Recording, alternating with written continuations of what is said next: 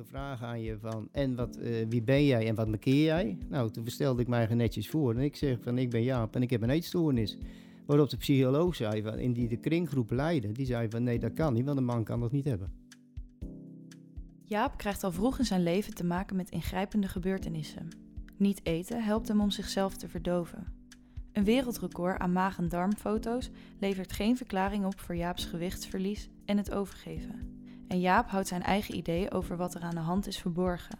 Of het wordt, als hij zich wel uitspreekt, glashard ontkend. Want mannen hebben geen eetstoornis. Tot een psychiater met ervaringskennis Jaaps gedrag herkent en erkent.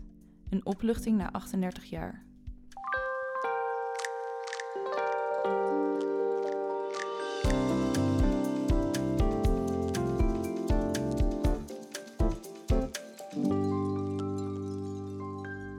Dat we vandaag in gesprek gaan, Jaap. Kan je ons meenemen naar uh, de 14-jarige Jaap die uh, begon met een appeldieet? Ja, ik was uh, 14. Ik, ik, was geen lievertje op school. Ik had, ik had tweede jaar LTS achter de rug. En de directeur die gaf de wijze raad om te stoppen, want het zou niks meer worden. Nou, ik had een, een vader die was van het type van niet, niet schreeuwen, maar poetsen. En die zei van thuis zitten is niet bij. Ik ga even de hond uitlaten. Twee minuten later kwam die terug en die zei van morgenochtend kun je om acht uur daar beginnen. Uh, alleen, ja, toen kwam het probleem. Ik, uh, ik had een, een, een, een, achternaam, Veenhof. En ja, dat was niet mijn echte naam, maar dat wist ik op dat moment niet. Alleen, ja, om het te moeten werken, dan moet toch je geboortenaam opgegeven worden. En ja, toen moesten ze me vertellen, toen ik 14 was, dat we niet meer biologische ouders waren. En tot mijn echte moeder gestorven was, dat ik anderhalf was. En ik weggegeven werd uit het, door mijn vader, omdat hij niet voor ons kon zorgen. En ja, dat is toch wel een impact. Wauw, ja. Want uh, alle vertrouwen in de mensheid die je hebt, die valt op dat moment weg. Want mensen waar je altijd gedacht hebt, dat zijn je vader en je moeder. Uh, die kon je niet meer vertrouwen. Want wat, wat, wat, wat, wat zat er nog meer? Wat hadden ze nog meer verborgen gehouden voor je? Uh, was dit alles? Nou goed, later bleek ook wat ze nog veel meer verborgen hadden. Op dat moment had het zo impact op me. Nou, op dat moment uh, was ik ook vrijgezet. Ik weeg woog 100, 708 kilo. Uh, ja, je viel een beetje overal buiten. Je kon ergens aan meedoen. En ja, het, het ging me in die bovenkamer spoken. En ik was mezelf in één keer, het gevoel dat ik mezelf kwijt aan het raken was. En ik nam een drastische beslissing om, om te zeggen van ja, ik ga nu aan mezelf werken, ik ga afvallen. En uh, ik kwam bij een klein distributiebedrijfje te werken. En ja, er was ook een vrouw bezig met afvallen en die was met appels aan het eten uh, bezig. En dat hielp, zei ze. Ik denk, nou, als ik dat nou ook ga doen, valt het voor niemand op. Want appels liggen altijd in de fruitschaal. En zo ben ik eigenlijk begonnen met een appeldieet. En dat heb ik een jaar volgehouden. En in een jaar tijd was ik 50 kilo afgevallen. En, en hoe reageerde de omgeving? Want ineens viel je af. Uh, ook de hele, je hele basis uh, lag aan diggelen. Um, hoe was die periode? Hoe reageerde de omgeving? Ja, eigenlijk, ja, iedereen vond het knap dat het afvallen was. Alleen, ja, ik had pleegouders die waren van weinig complimenten en knikken als het goed ging. En verder was prima. En we zeiden ook niet veel. Dus ja, je ging het eigenlijk op, je met je, je eigen doen. Je volgde je eigen weg. En daardoor, uh, ja, je kreeg ook niemand die zei van het is niet goed. Nee. Uh, niemand die zei van joh, dat moet je anders doen. Dus jij dacht voor jezelf, ja, dit gaat goed, want niemand geeft tegenwerking. Ja. En dan ben je op een gegeven moment afgevallen. Alleen dan komt het volgende punt, dan denk je dat je er bent. Alleen dan blijkt dat het gevoel in je hoofd anders is dan dat de, de werkelijkheid is. Want in je hoofd ben je nog steeds heel dik. En voel je eigen minder ten opzichte van anderen. Terwijl je eigenlijk gewoon normaal eruit ziet als iedereen ander. Ja. Dus er veranderde eigenlijk niet zoveel. Hoe was die, hoe was de, die uh, gewaarwording voor jou? Dat je dacht, hé, wat gebeurt er eigenlijk? Ik, in mijn hoofd um, werkt het niet mee. Nou, op dat moment uh, was je er nog niet echt mee bezig. Alleen op een gegeven moment, doordat je was afgevallen, ging je ook uit. Ja. Ja, je ging ook met, met, met, met mensen, met, met vrienden uit. Ja, vrienden tussen aanhalingstekens, maar goede kennissen. En op het moment dat je in een groepsverband zat, dan merkte je dat je dingen ging doen om erbij te horen. Alleen, er waren dingen die, waarvan je zelf niet een gevoel bij had. En dan zat je in een groep met jongens en je zag er net zo uit als ieder ander. Alleen, ik voelde het ook er buiten zat. Iemand zat op die stoel, alleen ik voelde niet dat ik het was. En toen had ik ook een gevoel gehad, er is, is iets niet goed in mijn hoofd. Nee. Er speelt iets. En hoe was eh, dat contact eh, met je pleegouders? Eh, ze hadden een... een ze- hebben je je basis ontnomen eigenlijk. Ze hebben heel lang ehm, niet verteld wat de werkelijkheid was. Hoe, hoe was het contact eh, binnen het gezin? Eh, in eerste instantie was, ja, je moest het verwerken. Eh, ik merkte dat ik afstandelijker werd. Ik merkte ook bij mezelf wel dat ik in eerste, op een gegeven moment wel zoiets oké, dit is het, hè. Je moet verder. Alleen toen kwam de volgende klap. En dat was eigenlijk eh, de druppel die de emmer dit overloopt om eigenlijk... eh, er wordt een gigantische afstand naar mijn pleeghuis. Want was op een gegeven moment, dat kreeg ik te horen dat ik nog twee zussen had. En eh, dat is al op zich mooi. Alleen toen bleek ook nog eens een keer dat die twee, dat ik met kinderen gespeeld had, waar altijd waren gezegd dat ze hadden goede kennissen, dat dat in de jeugd mijn zusters bleken te zijn. Eh, ik heb vier lagere scholen gehad, om een voorbeeld te noemen. En ik, en ik dacht altijd dat ik een, rotleerling was. Dat het aan mij lag dat ik elke keer van naar een andere school moest. Maar achteraf bleek het dat eh, elke keer mijn zusters op een school kwamen, werd ik ervan afgehaald. Want ik mocht geen contact met mijn zusters hebben. Dus als je dat dan op een gegeven moment ook nog een keer krijgt te horen als je een jaar of 16 bent, 17. Ja, dat is zo'n gigantische impact. Ja. Ja, vanaf dat moment is het eigenlijk een eh, relatie naar mijn pleegouders ontstaan, dat het meer een haat-vechtverhouding was als echt eh, gevoel naar. Zij konden jou niet eh, begeleiden in, in, in het proces van acceptatie en, en, eh, en, en enigszins harmonieus nog samen verder gaan. Nee. Nee, want zij, zij verlangde van mij een begrip. Ja. En ik kon dat begrip niet hebben, omdat ik, gevoel, dat ik een gevoel had dat een stuk van mijn jeugd ontnomen was. Ja. Dat een stuk familie mij onthouden was. Ja. Kinderen waar ik altijd mee gespeeld had, dat, dat, e- dat eigen bloed was geweest. En ja, ja, dat konden ze niet wegnemen bij. Nee. Er was, een, eh, eh, was eigenlijk ook een systematische ontkenning dat er iets met jou aan de hand was. Want je zei zelf, ik, ik, ik voelde dat het niet alleen maar afvallen was. Ik voelde dat er iets in mijn bovenkamer niet goed ging. Ehm, wat voor impact het heeft gehad dat, dat niemand in de omgeving eigenlijk ingreep. Ja, wat voor impact? Ja, ik merkte voor mezelf op een gegeven moment ook met relaties. Hè. Je bent een jaar 16, 17, je gaat meisjes ontmoeten, wat ik voorheen eigenlijk niet deed. Eh, om, ook omdat je te dik was, je voelde jij. Toen merkte ik eigenlijk al dat ik afstand hield eh, naar anderen toe. Dat ik eh, moeilijk benaderbaar was. Ik merkte voor mezelf op een gegeven moment, net wat ik al zei, van ik, ik, ik, ik was mezelf niet. Ik voelde maar iemand anders eh, dan ik werkelijk was. Als ik in de spiegel keek, had ik een hekel aan mezelf.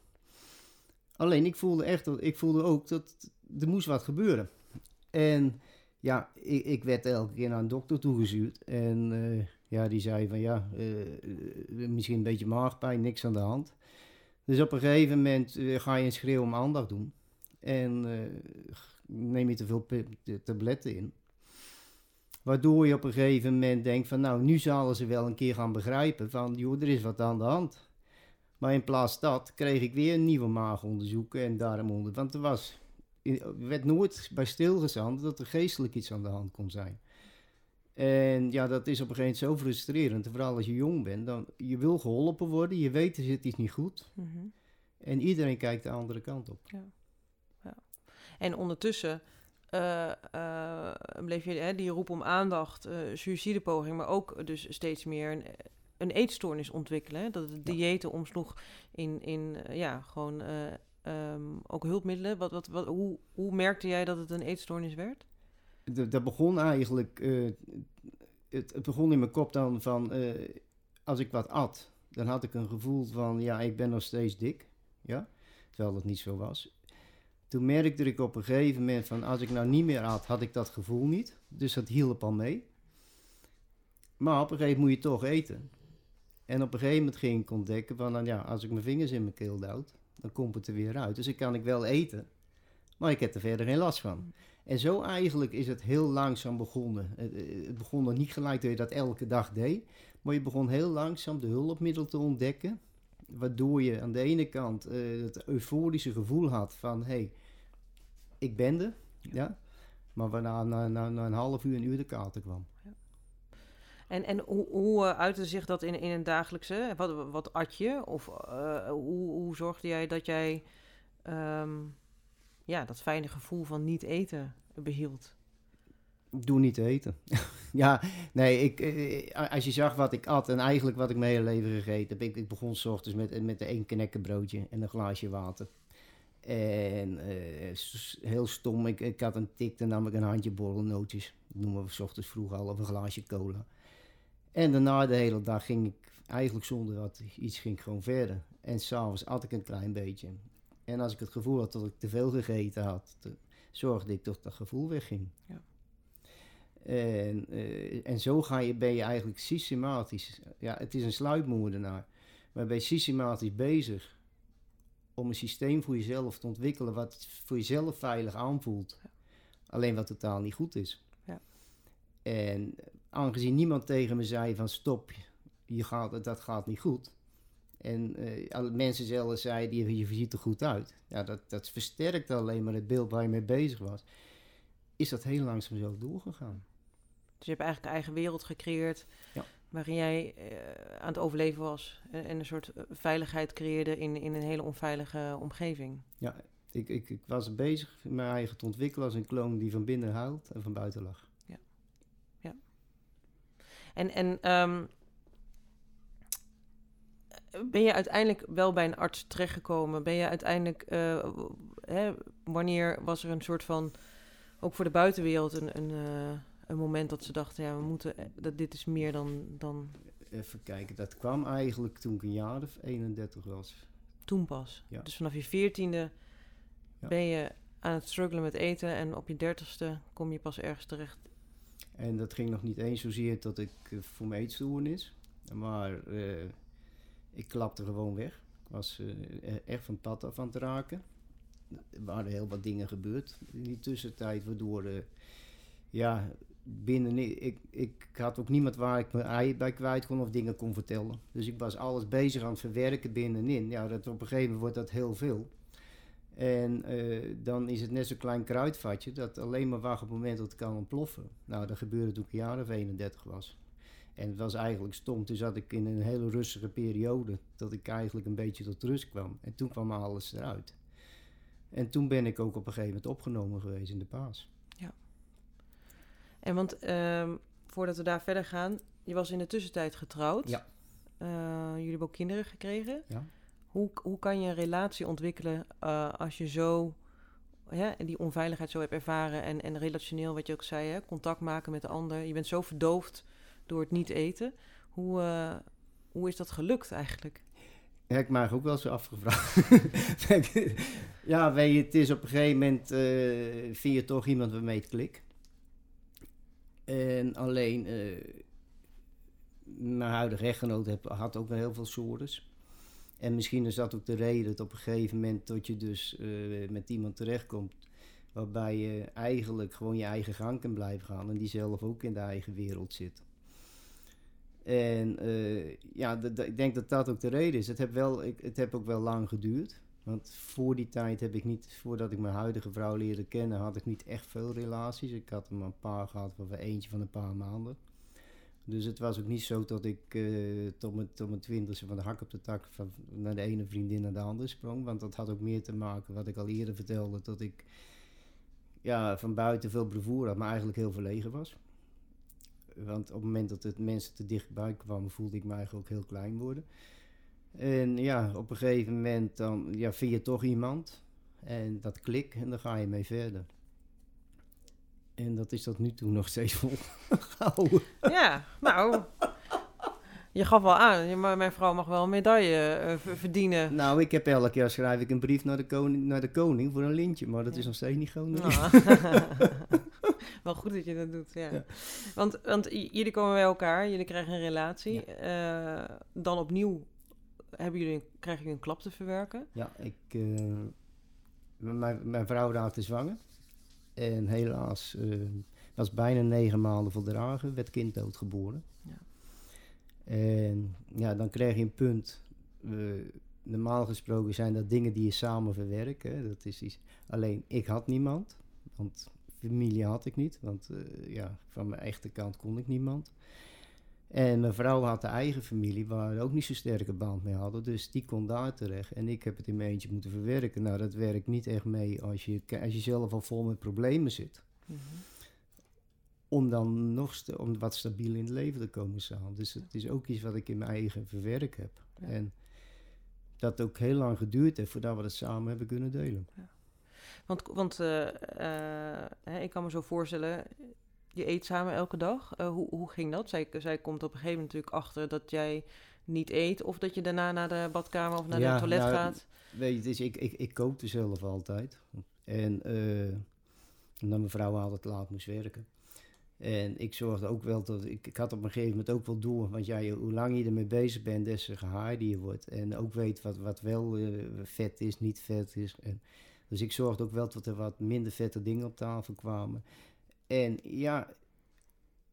Net wat ik al eerder vertelde, altijd werd er gedacht dat als ik ging overgeven, dat er wat me keerde. Ja. En wat dat betreft heb ik een wereldrecord aan maagfoto's, darmfoto's en noem maar op gehad.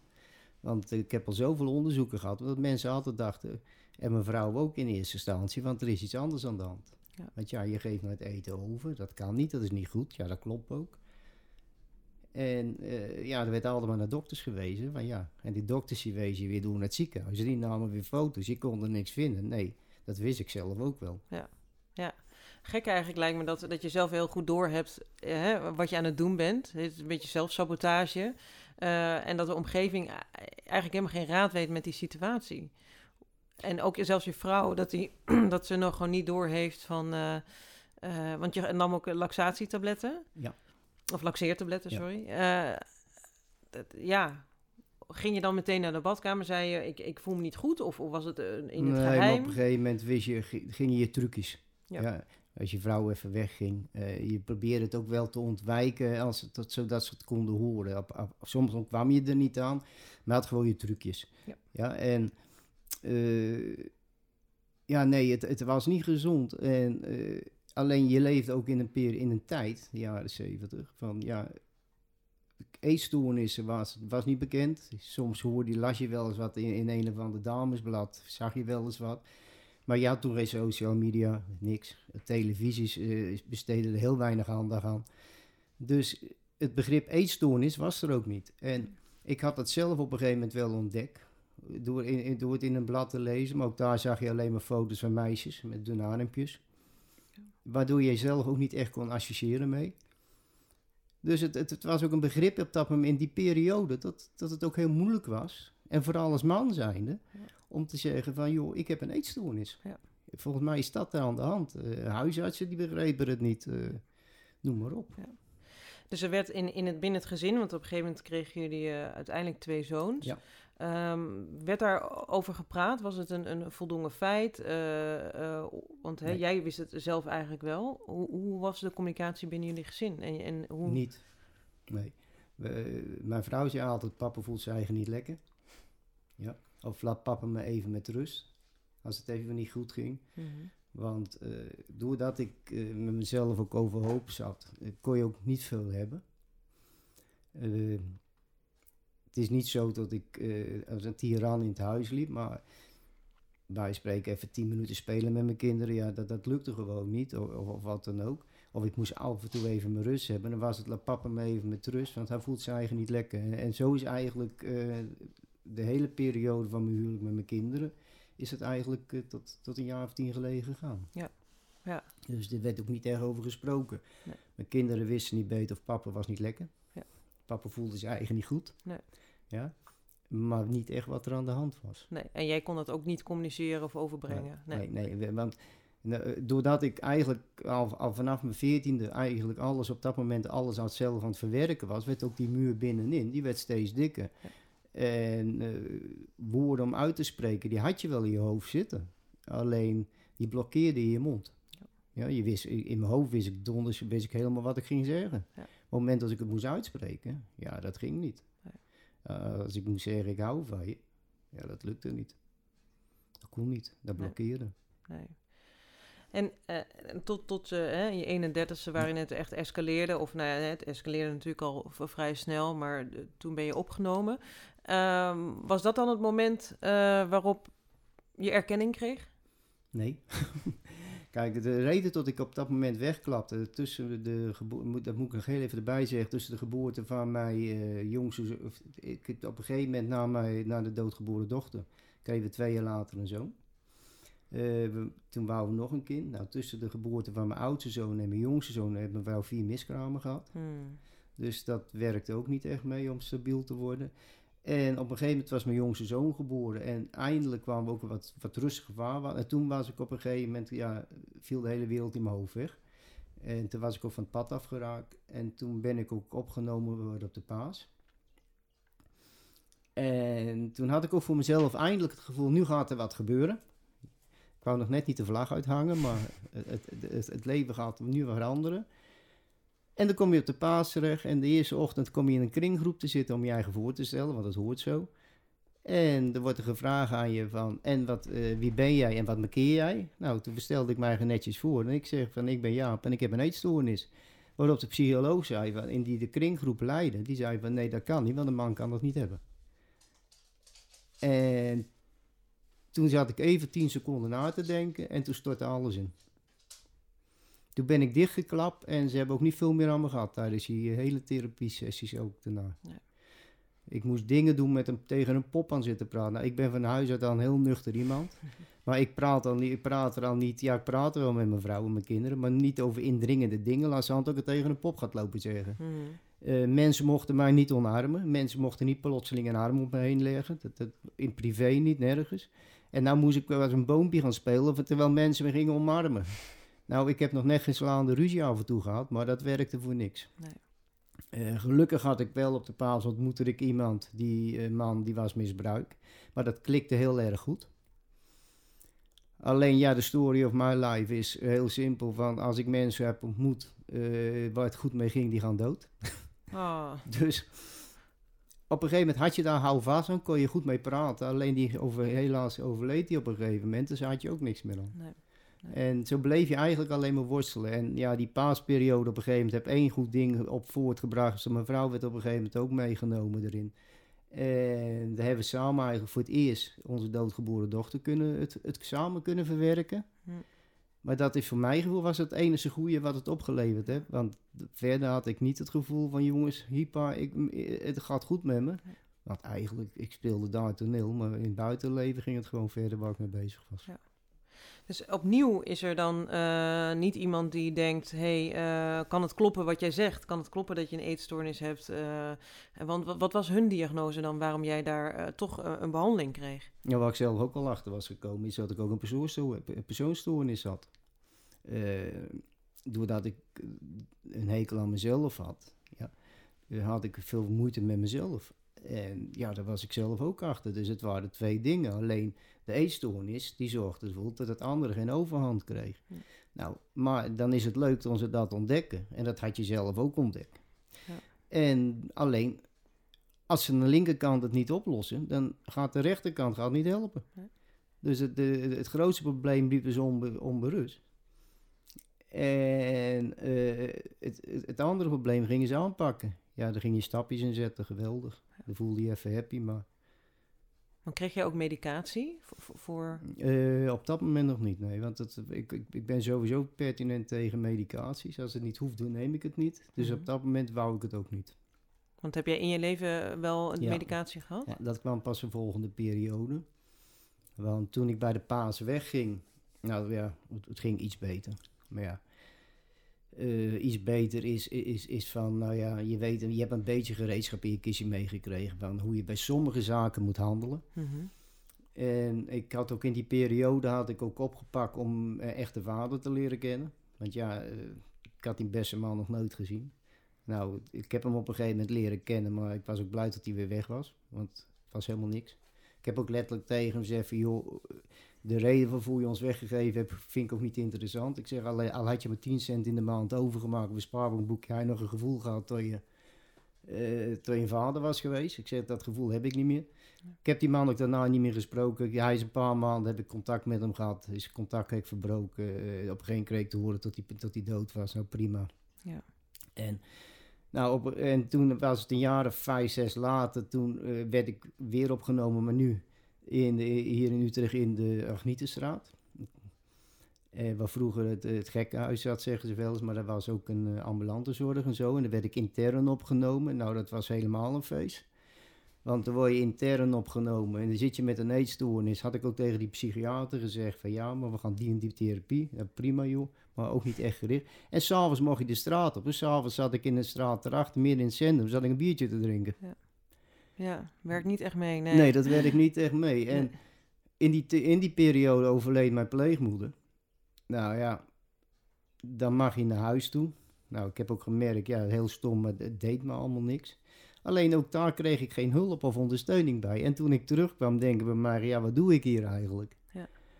En toen ben ik op een gegeven moment ben ik er ook mee gestopt, want ik vond het zonde van mijn tijd. Ik, zat daar en geweldig. Ik zat de hele dag op een spelcomputer. En af en toe mocht ik bij de psychiater langs en meer gebeurde er niet. En die psychiater die zei ook niet van, uh, oh, ehm, hè, u heeft wel duidelijke symptomen van een eetstoornis. Nee. En was dat dan nog steeds ook met het gegeven dat eetstoornissen gewoon uh, onderbelicht uh, waren en, en al helemaal voor mannen. Nou, ze, vonden, ze vonden op dat moment dat er ook andere dingen speelden. Ja. Omdat ik mijn emotie, omdat mijn emoties toonde ik niet, ik huilde niet, uh, ik was een binnenvetter, ik kropte alles op. Ja, dat snap ik allemaal, maar dat wist ik zelf ook. Ja. Ik was ondertussen, had ik mijn eerste diploma al aan de muur hangen. Zo was ik over mezelf al te weten gekomen. Ja. Alleen, dat denk ik, ik wil hulp. Ja. Dus nou zetten jullie me op de gesloten afdeling, maar gaat aan de slag. Maar dat gebeurde niet. Dus ik vond het ook zonde van mijn tijd. Ja. En ondertussen tikte het klokje verder en mijn leven ging verder. En op een gegeven moment kwam ik in de situatie terecht van, ja jongens, ik vind het prima. Dan accepteren we met z'n allen, maar dan ga ik gewoon door waar ik mee bezig ben. Ja. En eh, ik weet dat er iets niet goed zit. Jullie weten het, jullie willen het niet horen. Dus ik ga lekker verder waar ik mee bezig ben. En die eetstoornis, die bleef maar zitten vroeten in mijn lichaam. Alleen, dat- je wordt ook steeds ouder. Want eh, normaal gesproken, of eh, wat je veel al ziet, is dat, dat eh, patiënten met een eetstoornis eh, eh, vaak niet geholpen willen worden. Dus niet ja, naar een kliniek willen, want ze weten dat ze moeten gaan eten. En voor jou was het eigenlijk een beetje omgekeerd. Jij wilde, je bood heet het aan van ik weet dat er iets mis is, maar niemand wilde luisteren. Dat is dan dus echt het, het tijdsbeeld waarin jij dus geboren bent, waarin dus ehm, helemaal geen kennis was over hoe, hoe om te gaan met iemand met een eetstoornis Ja. en als man. Kijk, tuurlijk wilde ik op dat moment, eh, diep in wil je niet dat het verandert. Want je voelt je eigen er gelukkig Want bij. dit is jouw veiligheid. Ja, je je euforie. Alleen aan de andere kant merk je ook, het is niet goed. Nee. Eh, het, bele- het belemmerde je een hele hoop dingen. Eh, ik, ik vloot op bijna het hoogste niveau van het amateurvoetbal. Alleen, ik was er ook goed in. Alleen de top heb ik niet kunnen halen. Omdat puur en alleen het feit, doordat ik heel weinig at. Ja. Mijn lichaam op een gegeven moment niet de energie had om die 100% te geven, die je moet geven. Ik heb halve marathons op een flesje AA gelopen. Waar mensen, als je dat tegen een marathonloper zei, dan verklaarde je voor gek. Maar ik heb het wel gedaan. Eh, puur op wilskracht. Ja, want, want, want ehm, wat voor lichamelijke en mentale schade eh, hield je op dat moment of tot nu toe over aan eh, het, het, het, het consequent niet eten? Want eh, ja, je hebt natuurlijk allerlei symptomen voor mensen. eh, ehm, haaruitval, botontkalking. zeker als je al langer termijn niet alle voedingsstoffen binnenkrijgt. Wat, wat, wat, is bij jou de lichamelijke schade? Enige, enige wat, wat ik tot nu toe weet is dat ik calciumgebrek heb. Dat dat is niet erg. Ja, tenminste niet erg, maar dat weet ik dan. En verder eigenlijk, ik heb mijn hele leven keer een galblaasoperatie gehad. En een dokter heeft wel eens tegen me gezegd, heel- een paar jaar terug, van ja, het- is dat je niet gerookt, je hele leven haast niet gerookt hebt. Ik heb heel af en toe een sigaartje gerookt, maar een check of sigaret of zo nooit. En ook niet overdreven veel gedronken, alleen als ik een feestje had of zo. Want als ik dat wel had gedaan, dan had ik er waarschijnlijk niet geweest. Nee. Maar ik, op een gegeven moment leer je ook de grenzen van je eigen ik opzoeken. Ja? Op het moment dat je voelde dat je zwakker werd, dan ging je iets meer eten. Ja? Dan nam je even een periode dat je iets meer ging eten, waardoor je iets meer aansterkte. En als je dan weer het gevoel had, dat kon wel, dan stapte je weer over. Want je had je eigen wereld gecreëerd binnenin. Ja. Waardoor je zelf je grenzen kon bepalen. Zonder dat iemand zei van, die aan de grens stond, die zei van nou is het even over. Ja, dat is jouw manier van controle houden over jouw leven en, en, en, eh, en, en, en jouw manier van emoties reguleren of eigenlijk het niet voelen. Ja, nou je merkt op een gegeven moment van, eh, als je je wat zwakker werd, merkt hij gewoon van, joh, als ik nou niet ga overgeven, maar ik ga iets meer laxeren, dan krijgt mijn, mijn, lichaam houdt wel wat meer voedingsstoffen binnen. Dus dan gaan we dat even doen. Dus het, en als je je eigen heel slecht voelde, nam je en en. Eh, dus je ging op een gegeven moment heel bewust, Ja. Ging je ook eh, de, de grens opzoeken. En wat ik voor mezelf bemerkte, is dat ik, ja, op een gegeven moment ga je wel voor jezelf ga je oplossingen zoeken. Op een gegeven moment raak je ook op internet en zo. En ik merkte wel dat ik de ene keer had ik een fase dat ik niet at. Ja, dat, dat, ja, had ik de anorexia fase. Ik heb fases gehad dat ik, de, dat, ik, ik heel veel at en dat er net zoveel eruit geworden. Eh, wat me ook heel veel geld in mijn leven gekost heeft. Van de extra boodschappen die je gedaan hebt, ongezien. Mhm. En je merkt, want je, het- je zat niet in een vast stramien. Ja. Eh, je, je, je las artikelen over meisjes die eten heel lang niet en die worden genezen ervan. En jij merkte gewoon voor jezelf van, ja, dat is leuk. Alleen, jij zat elke keer op een ander vlak. Dan was je weer heel dik en dan ging je, of door, door je heel veel oud en eruit gooien, dan, at je helemaal niet, was je weer heel veel Mhm. magen. En dat was eigenlijk ook je overleving. Ja. En Ja. Alleen je voelde je eigenlijk er niet lekker bij, want je wou veel meer. Alleen je merkte wel, en dat is wel het enige als je praat van wat heb je dan overgehouden, is dat mijn energielevel heel erg laag is.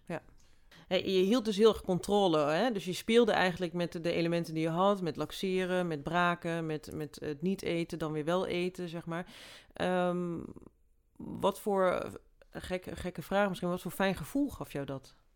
Want ergens heb je het natuurlijk, eh, je liet het niet zo ver komen dat je ehm, nou ja, jezelf eh, niet eh, dood at, zeg maar. Ehm, dus wat gaf dat jou?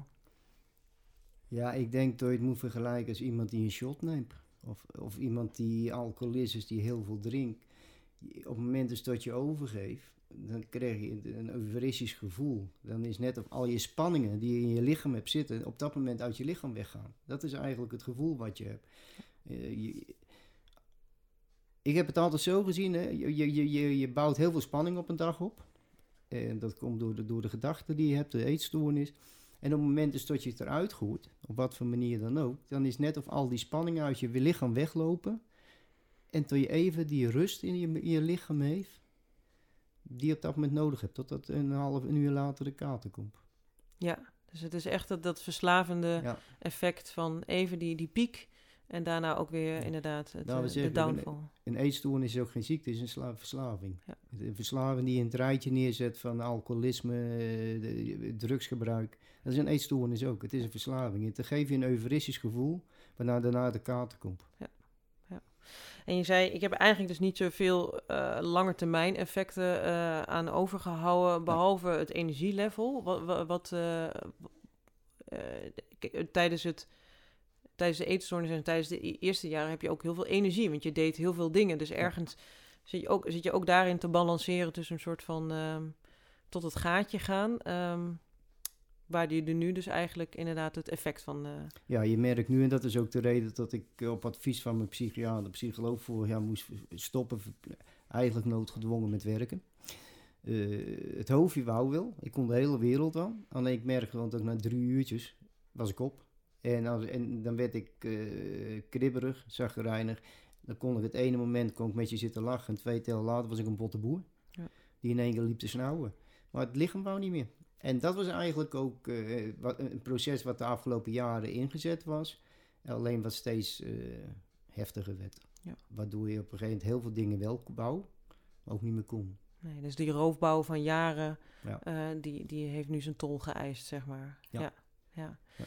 En ehm, ergens is er wel een moment geweest dat iemand heeft gezegd, eh, joh, ik denk inderdaad dat je een eetstoornis hebt. Kan je, kan je zeggen wanneer dat moment in jouw leven is, is Ja. gebeurd? Er is eerst een korte fase geweest nog. Eh, ik werd eh, voor mijn bedrijf, liep ik weer overspannen thuis voor de zoveelste keer.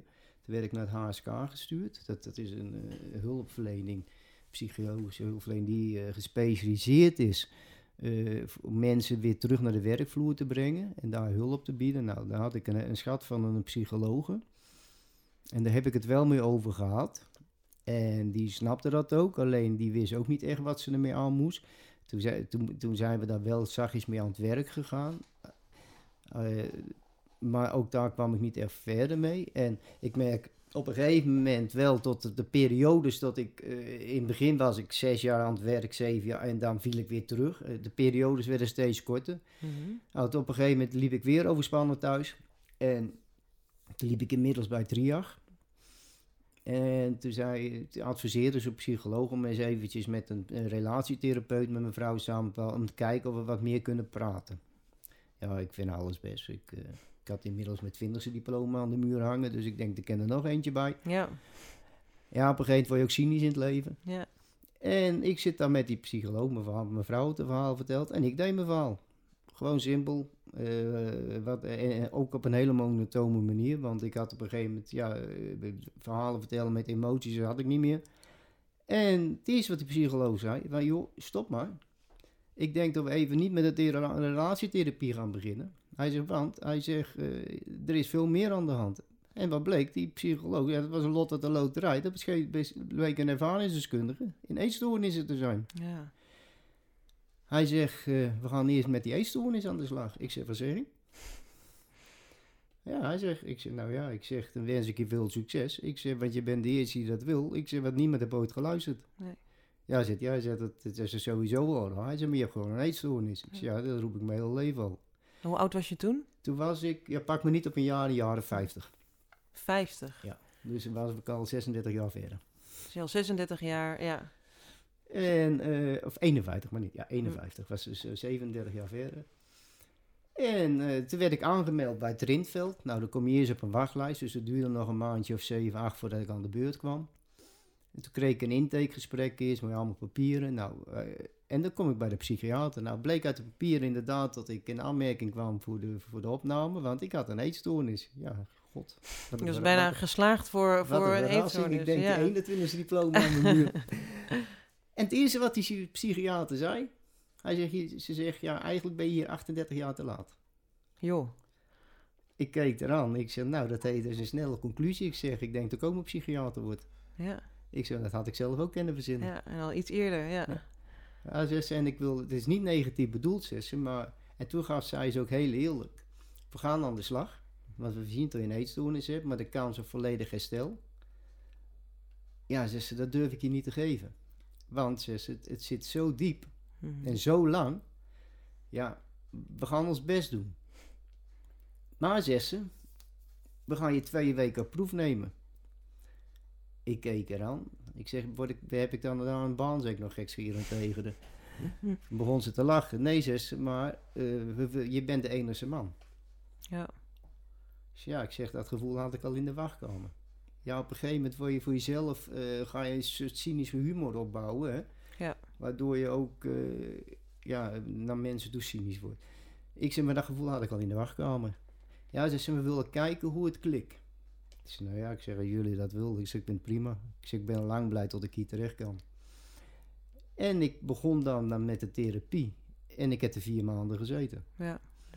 En eigenlijk was voor mij, het, het, het, het boeide me eigenlijk niet hoe de therapie ging lopen. En wat eruit ging komen, boeide me niet. Het, e- het grootste, belangrijkste moment voor mij was toen de psychiater zei, je hebt een eetstoornis. Ja.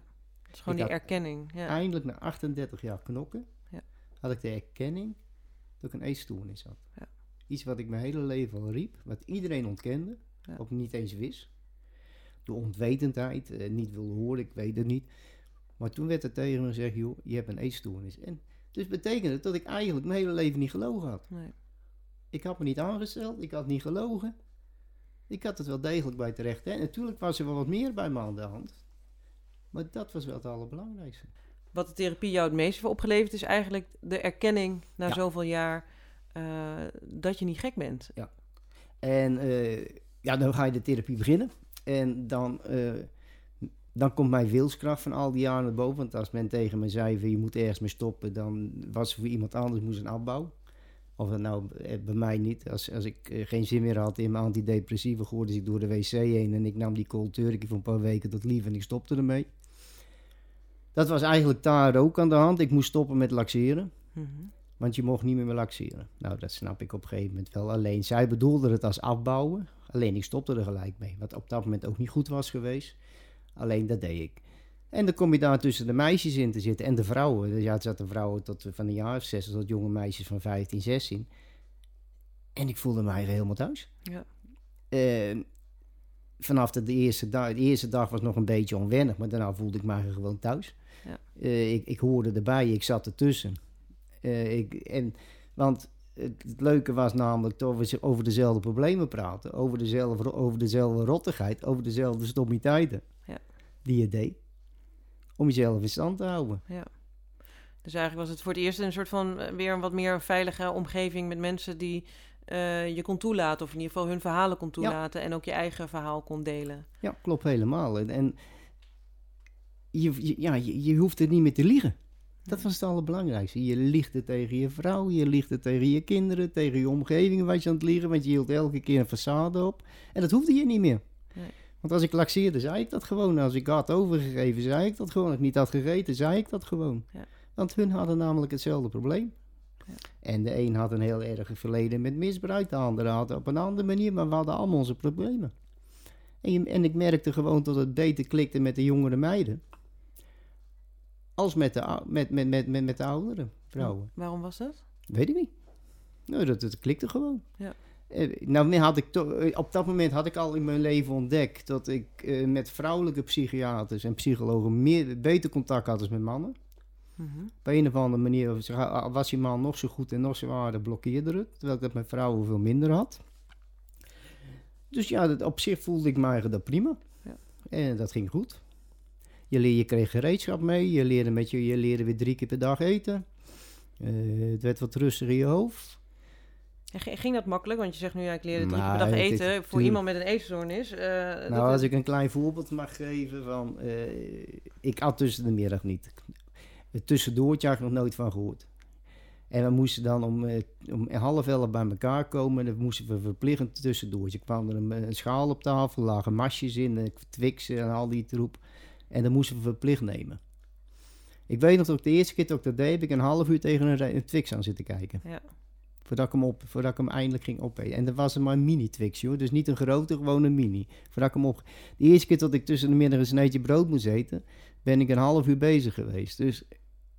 Wat gebeurde er dan? Was, hè, het, het... het blok, het gevecht. Ja. ja je, je, binnenin zeggen het niet doen. Het andere stemmetje, pak het nou gewoon. Maar je weet, als je dat neemt, krijg je het gevoel van... ik, ik heb te veel gegeten, ik zit vol, ik moet eruit. Het, het is het gevecht met jezelf aangaan van...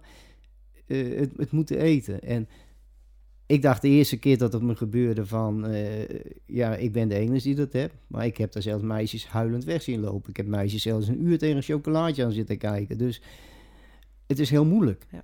Maar je leerde stapje voor stapje doordat hun je ging niet, mocht niet eerder opstaan voordat je dat sneetje brood op had. Ja. En zo stapje voor stapje leerde je weer, weer, weer eten op een normalere manier zoals iedereen eet. Niet, niet over overdreven, maar wel op een normalere manier. Ja. Maar het is heel moeilijk. Ja. Als je dan nooit van je even tussendoor een masje nam, je moet nou verplicht een masje nemen. En ze meer als nooit een koekje nam. En je moest nou verplicht een bakje koffie tussen in, in, om een drie uur drinken met een koekje erbij. Ja. Wat je thuis uh, nog nooit gedaan had. Omdat, je dat, omdat er zo agenda in je hoofd zat waar dat koekje met koffie niet in paste. Nee. Want die agenda zei gewoon, s ochtends eten, s avonds eten. En ertussenin mag je niks doen. Nee. Dan moet je dat doen. Ja, je moet een stukje van die controle loslaten. En dat is heel moeilijk. Ja. ja. Maar ja, aan de andere kant als ik ergens, ik, dat had ik wel in mijn leven, als ik ergens voor ging, deed ik het ook. Ja. Dan zorg ik geen smoesjes of excuses, ging ik er ook voor, want anders moet ik daar niet gaan zitten. Nee. Nou, ik gewoon thuis moeten blijven. Hoe, hoe, ging het, hoe voelde je de, daarna? Wat, wat, wat bracht het jou mentaal? Op zich goed. Ik was rustiger. Uh, ik had geleerd te eten. Uh, ik kwam ook op dat moment bij een goede psycholoog te liggen voor de nabehandeling te lopen. Alleen, uh, ja, ze hadden mij ook een opdracht meegegeven om te gaan socialiseren in het leven. Want ja, ik had niet veel privécontact en zo. Alleen, ja, ik denk, nou, weet je wat, ik, ik ga het carnavalsleven weer oppakken. Dat hadden we vroeger ook gedaan. Alleen, ja, dan wil ik het uiterste weer vergen. En op dat moment, uh, na het eerste jaar, ging prins worden. Alleen, dat werd dan een periode vol plezier. Maar ook veel met eten en drinken natuurlijk. En toen was het afgelopen, toen was ik heel veel aangekomen. En toen kwam eigenlijk eh, de man met de hamer. Want toen ging het in die bovenkamer weer helemaal mis. Toen de carnaval over Ja, was. Want ja, je was heel erg dik geworden en dat voelde gewoon niet lekker. En eh, je, je raakte bovenin helemaal weer op. eh, dus ik, ik was ook weer thuis komen te lopen.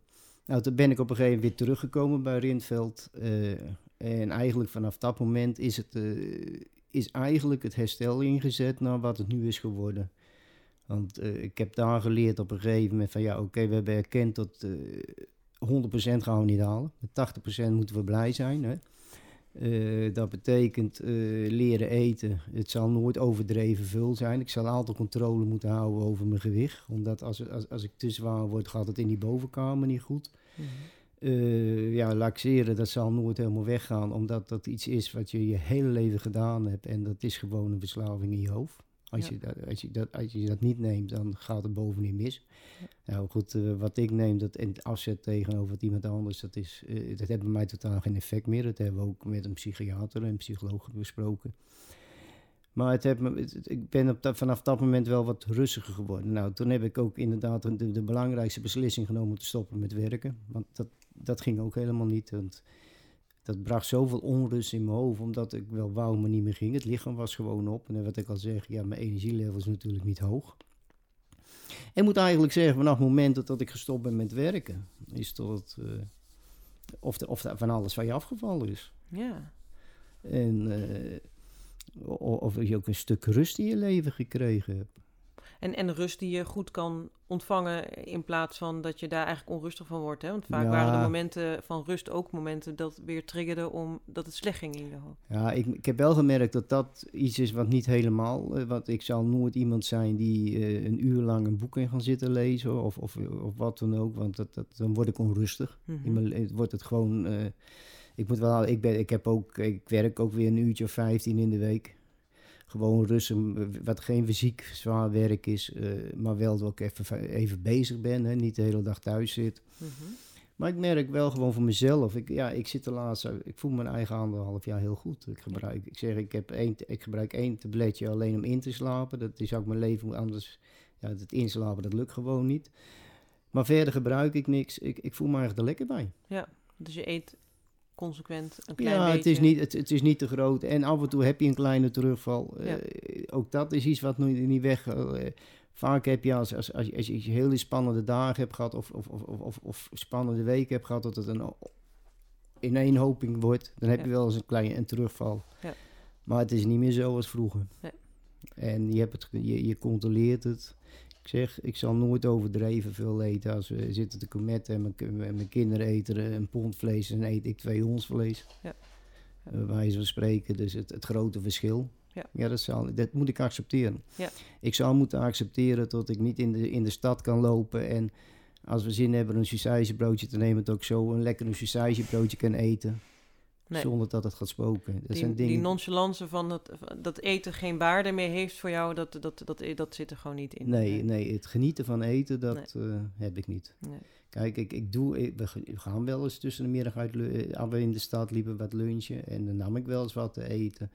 Maar het is niet zo het spontane van eh, ik neem nog een, uh, een sausage of ik ga over dat of dat. Nee, dat heb ik niet. Dat mis ik wel, maar ja, het is niet anders. Het zijn dingen die je moet accepteren. Ja. Eh, want dat, zou, ja, dat verandert niet meer. Nee. Maar ik zeg zoals ik me eigen nu voelt. Ja. Nou, dat was ook de reden dat ik een jaar geleden mijn eigen heb aangesloten bij de Stichting Jij. Ja. Ik eens even ging kijken van, joh, ik was toch op zoek van, eh, naar, naar lotgenoten. Van kijken hoe die ermee omgaan. Eh, ik heb ook gezegd, ik heb zoveel in mijn hoofd zitten waar ik wat mee wil doen. Nou, toen kwam ik dus bij de Stichting Jij terecht. Dat was een sticht, eerst kwam ik bij Stichting Weet. Alleen, die hebben wel een interview met me afgenomen, wat ook in het Weet, het Weet magazine gestaan heb. Alleen, eh, ja, doordat het, eh, de eetstoornis nooit voor 100% weg had, kon ik daar niet als ervaringsdeskundige terecht. Want dan moest je helemaal clean zijn.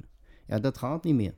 Dus ik had er ook verder niet zo goed gevoel bij. Dus toen kwam ik bij de Stichting Jij terecht. Mhm. Nou, heb ik hetzelfde verhaal verteld. Nou, dan dan kon ik wel op andere vlakken mijn waarde gaan tonen. Mhm.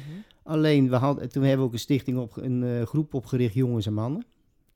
En we hadden gehoopt dat dat eh, wat ging worden. Maar alleen, ja, de toeloop in de loop der was heel miniem. Hmm. Je merkte toch dat mannen op een of andere manier zijn eigen niet eh, naar voren gingen halen ermee, niet ervoor uitkwamen. Ik denk ook dat het te maken heeft met de macho-cultuur.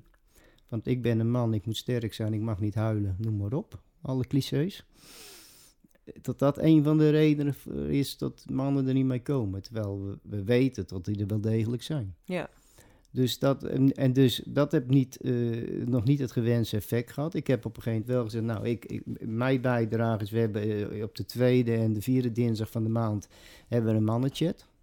Dus eh, waar ik dus met nog iemand samen achter de computer zit, waar mensen kunnen bellen. Dus je merkt wel heel erg dat, dat ja, die drempel, eh, dat het wel alleen maar vrouwen en meisjes zijn die naar voren komen. Dat merk je ook bij de stichting, want we zitten dagelijks met twee of drie mannen. Mhm.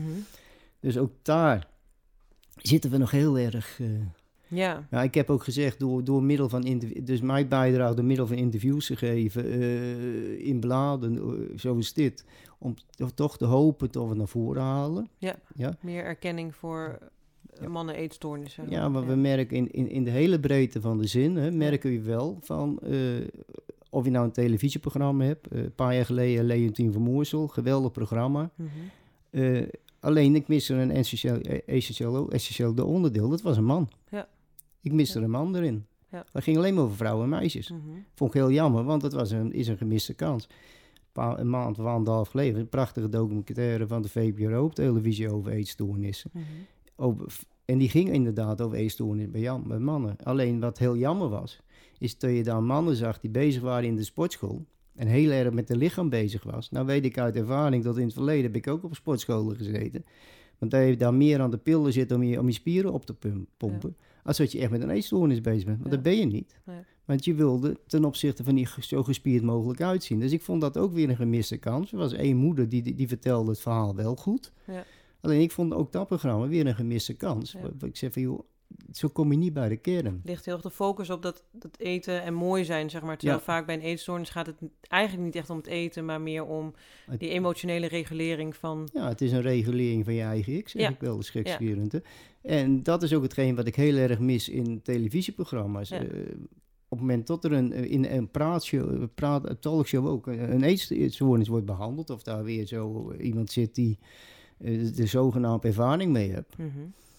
Dan zie je alleen maar gaat het over vrouwen. Ja. Soms zit ik wel eens met tenen krommen te luisteren, dat ik mensen zie zitten en denk, man, je weet niet eens waar je het over hebt. Nee, nee. Dan zie ik een, een mannelijke psycholoog het over eetstoornissen hebben. Dan denk ik, joh, je weet niet eens waar je het over hebt. Want Nee. je zit een lulverhaal op te hangen, Ja. even grof gezegd. Ja. Ik denk dat, het ook, dat, dat dat ook op een gegeven moment het, de deur zal zijn om eh eetstoornissen bij mannen naar voren te halen. Is dat wij in de media ook meer aandacht moeten Ja. krijgen. Ja. Mede ook om wat je zei van...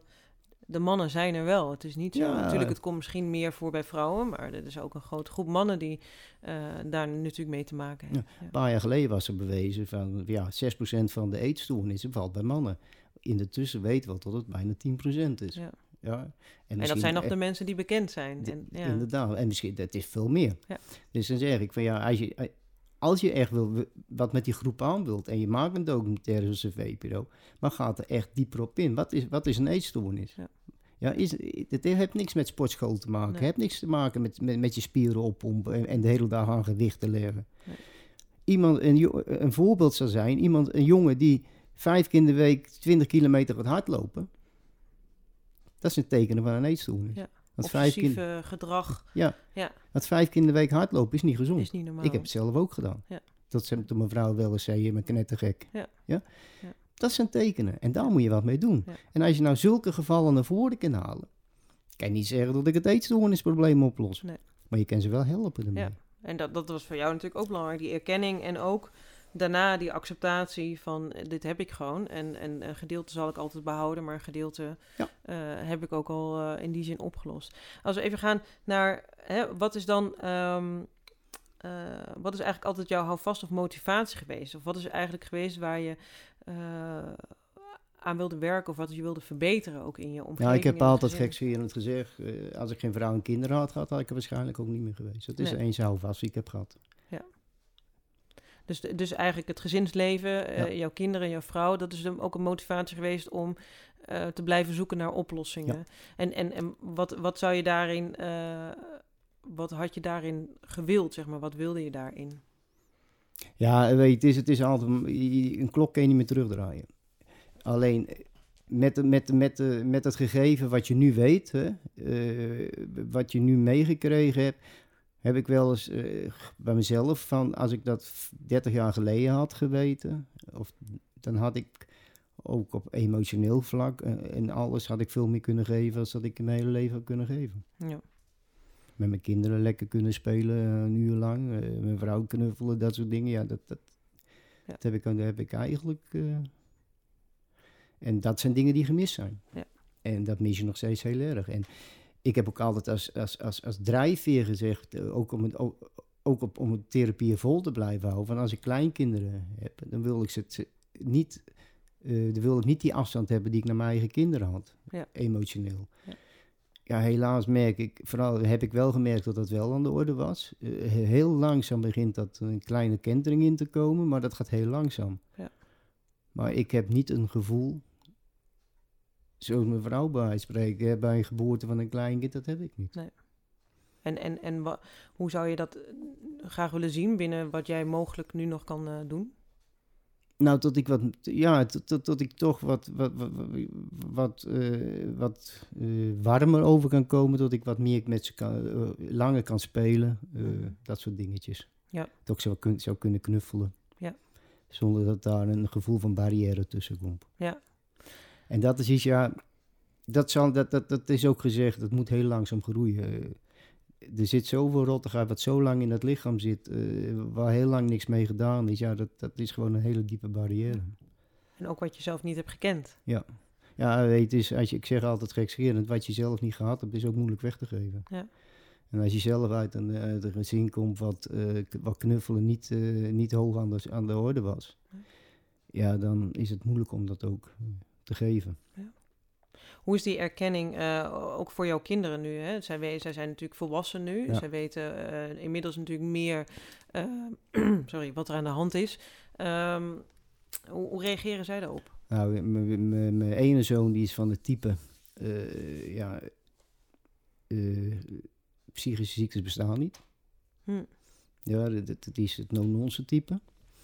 Dus ja, die, die, die hoort het aan, die leest het en die geeft, velt geen oordeel. Mijn jongste zoon is tegenovergestelde. En die heb ook een vriendin die wat, die wat psychische problemen heeft gehad. En die snappen dat ook beter. En ja, ze weten in ieder geval wat er aan de hand is. Ik heb ze ook de interviews laten lezen. Dus ik heb... Eh, verschuilen is, dat doe ik niet meer. Nee. Uh, wat ik vroeger wel deed. Uh, maar praat ik ook niet. Nu, nu laat ik ze ook dingen lezen. Dus uh, ik verschuil me nergens meer achter. Ze weten wat er aan de hand is. Uh, en ja, de toekomst zal uitwijzen hoe ze er verder. Ik, uh, de, de, contact is goed. Uh, we hebben verder geen. alleen ja, ik zal ik, ja, ik zou zeggen, ik heb, ik, ik heb ze nooit geslagen. Ik ben geen slechte vader. Alleen, ze hebben materieel ze, hebben ze niks tekort gekomen. Alleen emotioneel denk ik een hele hoop. Ja. ja, en dat wat binnen jouw machten nu ligt, zou je graag willen verbeteren. Ja. ja. ja. Zonder, zonder mij daarin te forceren, want dat heb ik ook geleerd. Nee, dat werkt natuurlijk niet. Nee, want dan krijg ik hetzelfde effect als toen ik mijn zusters nog leren kennen. En dan wil je, en dat, toen was ik 35 of zo, en dan wil je in één jaar tijd een heel leven goed maken. Ja, dan maak je alleen maar meer dingen mee kapot. Nee, ja. Want je hebt nog wel contacten met, uh, met de zussen? Nou, mijn uh, oudste zus is, uh, is over een tijd terug al overleden. Die had ook een eetstoornis. Die had ook heel psychische problemen. Met mijn middelste zus heb ik nog steeds contact. Mhm. Alleen, ja, dat heb ik er ook eerlijk gezegd. Ik heb daar niet het broer-zusgevoel bij. Uh, ze, ze, doet stinkend de best. Het is ook een schat van de meid. Alleen, ik heb dat gevoel niet. Uh, ja. Ik ga gewoon normaal met haar om, maar ik heb geen broer-zusgevoel. Nee, die basis is nooit gelegd natuurlijk, dus, dus dat, dat zou ik, uh, ja. Ik heb, als ik wel eens voorbeelden ziet hoe broers en zusters met elkaar omgaan op een negatieve positieve manier, manier, nee, dat heb ik niet. Nee, nee. En, en, uh, en met jouw pleegouders? nou, mijn pleegvader is overleden toen ik een jaar of, dacht een jaar of 19, een jaar of 20 was, 19. Mhm. Want ja, ik was nog niet eens getrouwd. Ja, mijn pleegmoeder is overleden toen ik een jaar of 2, 33 was. Maar ik zeg, het contact uh, is nooit meer echt geweest wat het is geweest. Met mijn pleegmoeder was het meer ruzie als... Uh, en ja, ik, ik kreeg heel vaak te horen ook van kennis. Ja, ze zijn heel goed voor je geweest. Alleen ik heb dat gevoel niet. Nee. Als men nou me vraagt van, joh, uh, vertel eens dingen voor je veertiende jaar, dat weet ik niet. Het is één zwart gat. Nee, dus je weet eigenlijk helemaal niet eh, hoe kleine Jaap was eh, toen het voor jou nog zorgeloos was. Nee, ik heb ook niet veel foto's uit mijn jeugd. Het eens wat ik meegekregen heb toen ik, toen ik weggegeven is er nog een dasje. En een eh, die ik nog steeds heb. Mhm. En meer heb ik niet. En ik, uit mijn jeugd zijn er niet veel foto's. En, maar ik heb, het is één zwart gat. Op het moment dat, het, dat ik op een 14 te horen kreeg, dit en dit is er gebeurd, leek het of er een deur dicht ging. Ja, En ja, mensen zeggen, ja, ze zijn ook goed voor je geweest. Ja, dat geloof ik uiteraard. Dat ga ik ook niet bestrijden. Alleen ik heb een ander gevoel. ja, daarbij, ja. Je zegt eigenlijk gaat het nu sinds anderhalf jaar eh, goed. Eh, je bent gestopt met werken. Ehm, wat, wat maakt jou nu gelukkig? Wat, wat is, eh, wat, wat, eh, of is gelukkig een groot ja, een, een- gevoel van gelukheid zal ik nooit voelen. Want dat, en dat heeft niks te maken met, met maar ik zou alleen wat mij, hoe ik mijn eigen nu onder controle heb. En dan kun je discussiëren of het goed of niet goed is. Hè, maar hoe ik mij eigen onder controle heb en hoe ik nu in het leven sta. Eh, ik heb ook de druk niet meer van moeten werken of van fysiek werk of zo. Nee, dan voel ik, ik kan de dingen doen die ik wil doen. eh, voel ik mij eigen lekker bij. En eh, is het een optimaal leven? Ja, ik denk het niet. En zou het beter kunnen? Absoluut. Maar moet ik het gaan forceren? Nee. Moet ik weer hulp gaan zoeken? Nee. Maar dat heb ik ondertussen na diploma 37 al wel ge- gehoord. Ja, dus eigenlijk zeg je, eh, ik voel me het fijnst, eh, op dit moment het meest fijne dat ik me ooit in mijn leven heb gevoeld. Ja.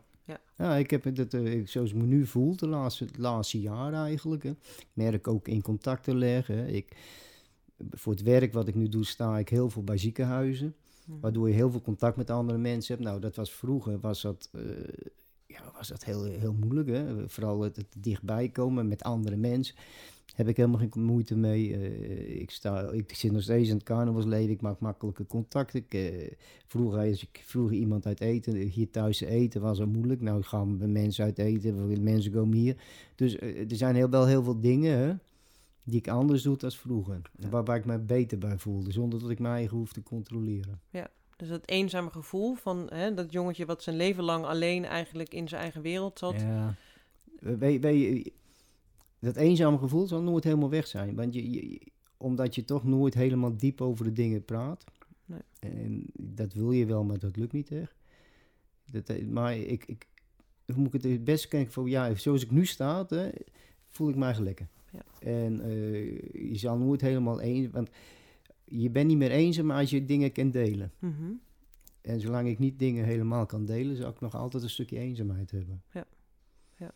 Maar ik heb geaccepteerd dat dit het is. Mhm. En dat er misschien wel meer zal zijn, absoluut. Alleen, ik heb er niet veel zin meer in. Nee. Dit is het, hè. hier ken ik mee door. Mhm.